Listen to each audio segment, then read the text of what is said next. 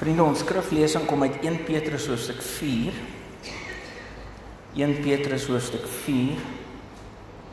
Ons gaan daar van vers 9 lees.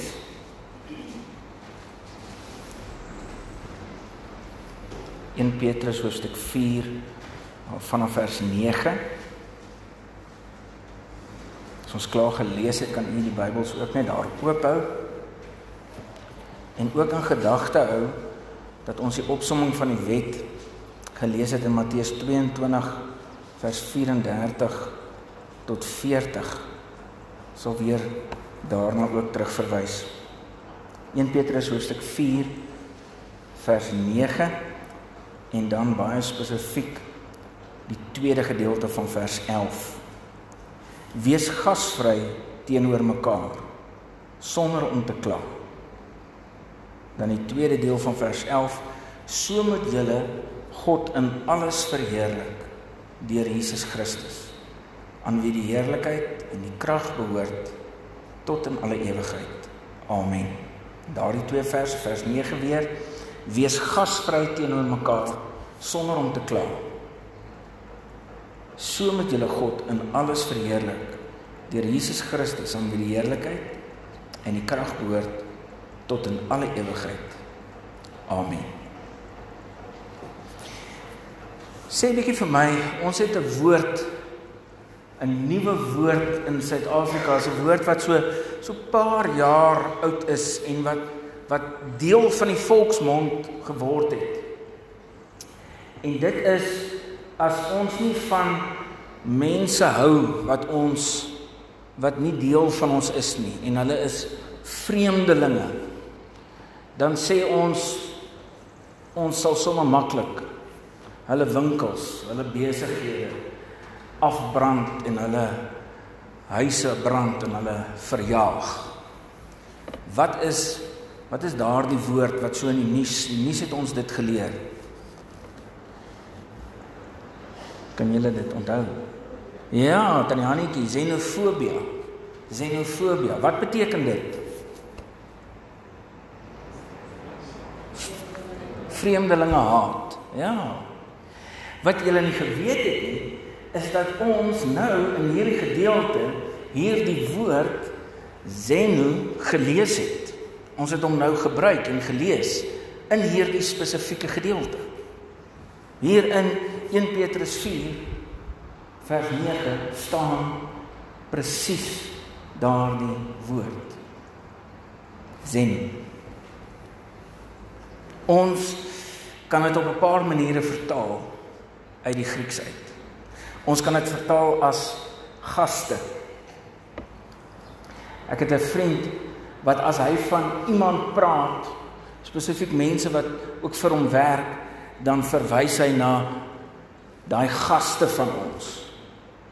En dan bedoel hy dit nou nie op 'n mooi manier. Hy sit ook gewoonlik so ekstra byvoeglike naamwoord of twee voor of agter of nog binne in die woord gaste. Sommige sy hele houding kan jy sommer sien hierdie gaste wil hy eintlik verwrig. Gaste. Ek en jy ken mos ook gaste. En dan praat ek nou nie van die gaste wat so ongenooid opdaag om vakansie by 'n ou te kom bly nie. Nou weet ek nie of dit op Koffiefontein gebeur. Want dit gebeur mos eintlik as mense by die see bly. Is dit nie? Uh, maar kom, hou familie sommer net vir 'n vakansie hier op Koffiefontein ook nee, nie eintlik nie. Andre sê nee. Maar mense gaan plak by die see, né, by familie. Ja, dis bietjie maklik. Dis makliker. Mense bel mos sommer net en sê, "Man, boetie, sussie, oom, tannie, pa, maar ons kom bietjie see toe." Gaste. Ons praat nie eens van daai gaste. Hier gaan dit oor vreemdelinge. En hierdie gedeelte sê wees gasvry teenoor mekaar sonder om te kla. Die interessante is binne in die boodskap wat 'n Afrikaanse vertaling is wat wat 'n bietjie meer is soos wat ek en jy praat, word vers 9 op die volgende manier vertaal. Julle moet goed wees vir mekaar, soos 'n mens goed is vir vreemdelinge. Daar's die xenos. die Zenus, die vreemdelinge. Maar dan moet julle ook nie daaroor kla nie. En nou kan ons iets onthou dat ek verlede naweek uh, gepreek het oor oor Nkosi Sikelele Afrika. Kan ons definitief iets onthou daaroor dat dat ons weet dat woorde op 'n ander manier vertaal word en verstaan word, maar ons kan ook onthou dat in daardie gedeelte toe daardie drie vreemdelinge, daardie Zenus daar by Abraham opgedaag het, het hy hierdie mense nie geken nie. Maar hy het sommer vir hulle laat brood bak en 'n uh, os laat slag. Want dit is wat die woord vir die gelowiges geleer het. Dit is wat die woord geleer het. Jy moet vreemdelinge gasvry behandel. Met oop arms ontvang. Nou in ons situasie ek bedoel jy laai eintlik nie eers die mense op wat jy ken nie. Wat nog te sê wat jy vreemdelinge sal oplaai as jy hulle langs die pad sien duim gooi. En nou kom hierdie gedeelte en hy sê vir jou en my wees gasvry teenoor die vreemdelinge. In die nuwe vertaling wees gasvry teenoor mekaar. Weet jy vriende, ons kry dit nie eens reg nie. As ons lees wat hier staan, die woord philos en wat dan philozenos wat dan saamgesit word. Hierdie twee woorde, philos beteken lief wees, dierbaar. Iemand wat vir jou dierbaar is. By ons het die gesegde wat sê iemand is meer dier as baar, né? Nee. Maar iemand wat vir jou dierbaar is, kosbaar, iemand wat jy sê, "Eers like man, ek hou van hom." Ons kry nie eens reg dat ons vir mekaar dierbaar is nie. As iemand vir jou en my nie dierbaar is nie, weet julle wat doen ons op so klein dorpie? Ons begin ons eie kerk.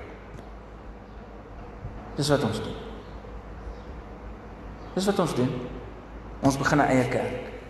Maar jy kyk of jy op hierdie jy kry nog op 'n tyd in jy kerk is 'n stoele. Dan staan daar Nederduits gereformeerd en hervormde gemeente.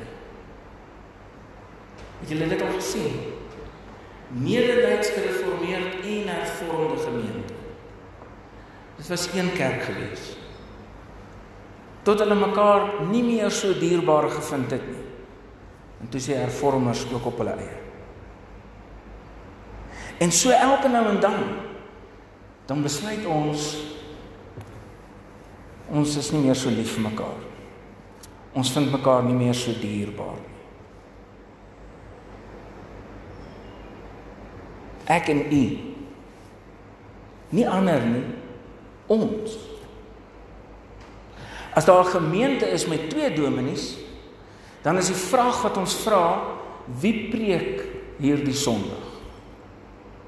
Wie preek? En so doen ons dit met mekaar ook. So sal ons sê maar ek wil nou nie meer deel wees van die groepie of daardie groepie nie want die een of daai een is nog in daardie groepie. In daardie groepering. En ek en sy nee. Ons gaan nog selfs verder.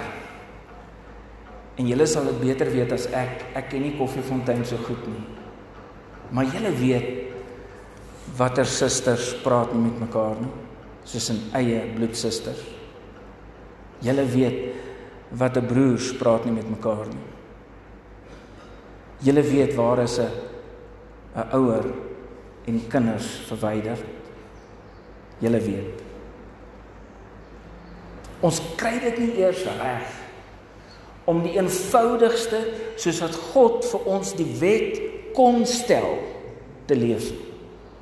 Toe God vir ons die wet opsom, toe kry ons nie eens reg om net dit te doen nie. Hoor jy mooi? Jy moet die Here jou God lief hê met jou hele hart en hele siel met jou hele verstand. Dit is die grootste en die eerste gebod. En die tweede wat hiermee gelyk staan is jy met jou naaste lief hê soos jouself. In hierdie twee gebooie is die hele wet en die profete saamgevat. Toe Jesus self kom en hy som vir ons die 10 gebooie op, toe hy selfs gesien het, hoorie maar julle kom nie reg met hierdie 10 nie. Ek sien julle verstaan nie hierdie 10 mooi nie. Kom ek som dit vir julle op.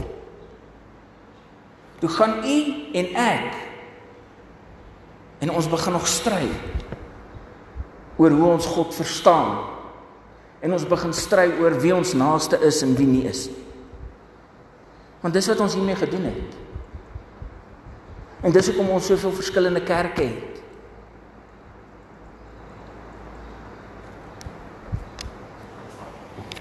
Ons het hierdie vermoë om die eenvoudigste ding soos onvoorwaardelike liefde wat Jesus Christus vir jou en my aan die kruis kom wys het so moeilik te maak dat ons mekaar nie eers groet nie. Dat ons nie eers saam met mekaar in een gebou dieselfde God kan aanbid nie.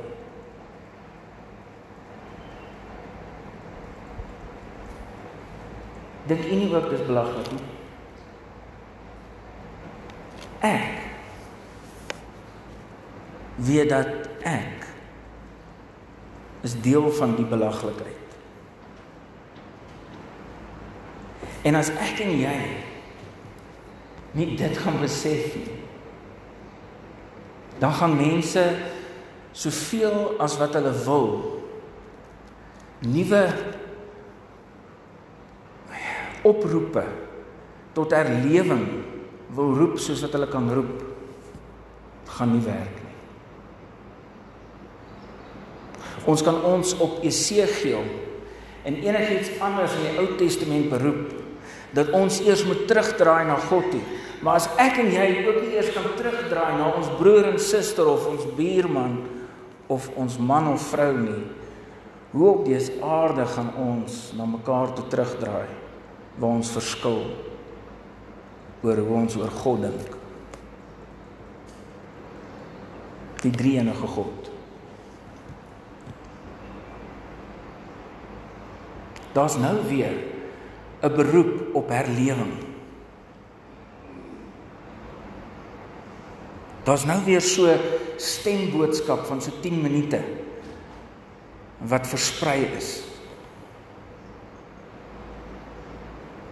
Maar as ek en jy nie gaan vrede maak hier op Koffiefontein met ons buurman en buurvrou of ons kind of ma of broer nie dan is daai liefde niks werd.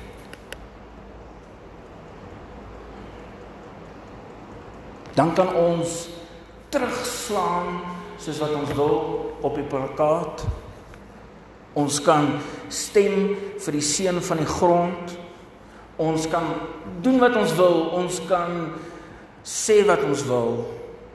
Maar as ons nie die eenvoudigste ding kan doen en mekaar onvoorwaardelik liefhê nie.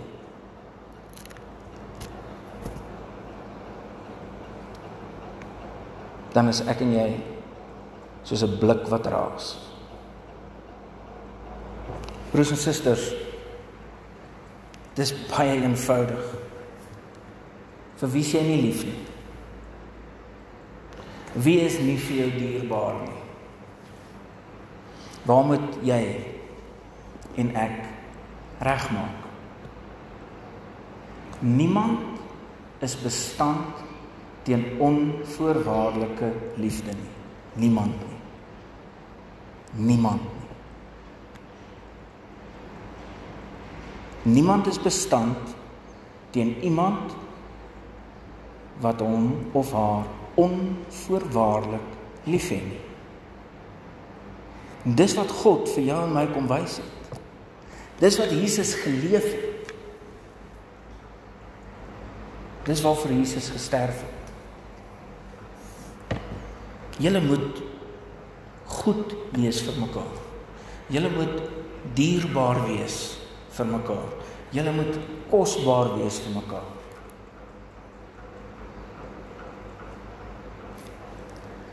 Op hierdie manier volgens vers 11 verheerlik ek en jy vir Jesus.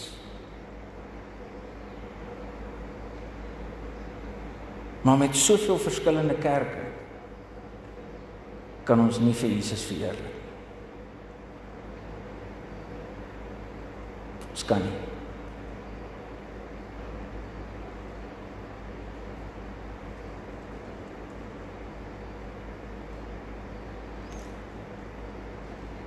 Hoe en waar gaan ek en jy leer?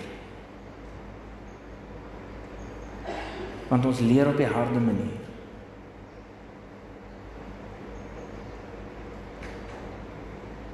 Ons leer nie deur ons foute nie. Want die fout wat ons nog altyd maak is om mekaar nie onvoorwaardelik lief te hê. Ons verwag dat God vir my onvoorwaardelik moet lief hê. Dat God vir my elke keer moet vergewe. Ons verwag dat God moet vir my en vir jou 70 maal 7 keer vergewe. Maar ek my naaste of wie ek kies my naaste is 70 maal 7 keer vergewe. Ai konna. Ai konna.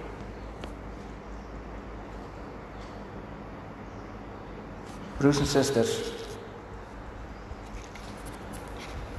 ek en u staan skuldig. Want as ons sê dat ons vriendelik is selfs teenoor ander en mekaar en gasvry is, dan kan ons dit nie eers doen sonder om te kla nie. Selfs hierdie gedeelte, selfs vers 9 gesê dit. Hy moet dit vir ons uitlig. Ja, wees gasvry. Dis reg, maar selfs sonder om te kla.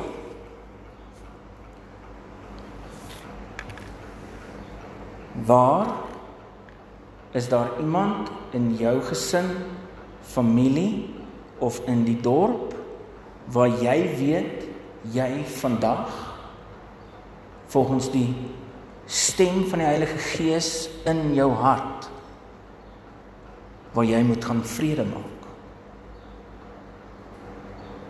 Waar kan jy begin om die eenheid te herstel in hierdie dorp wat daar behoort te wees? Jy Eers wanneer jy en ek gehoorsaam is aan die eenvoudige manier waarop God die wet vir ons hier stel sal ek en jy besef dat dit die grootste wonderwerk is wat kan gebeur. Amen. Here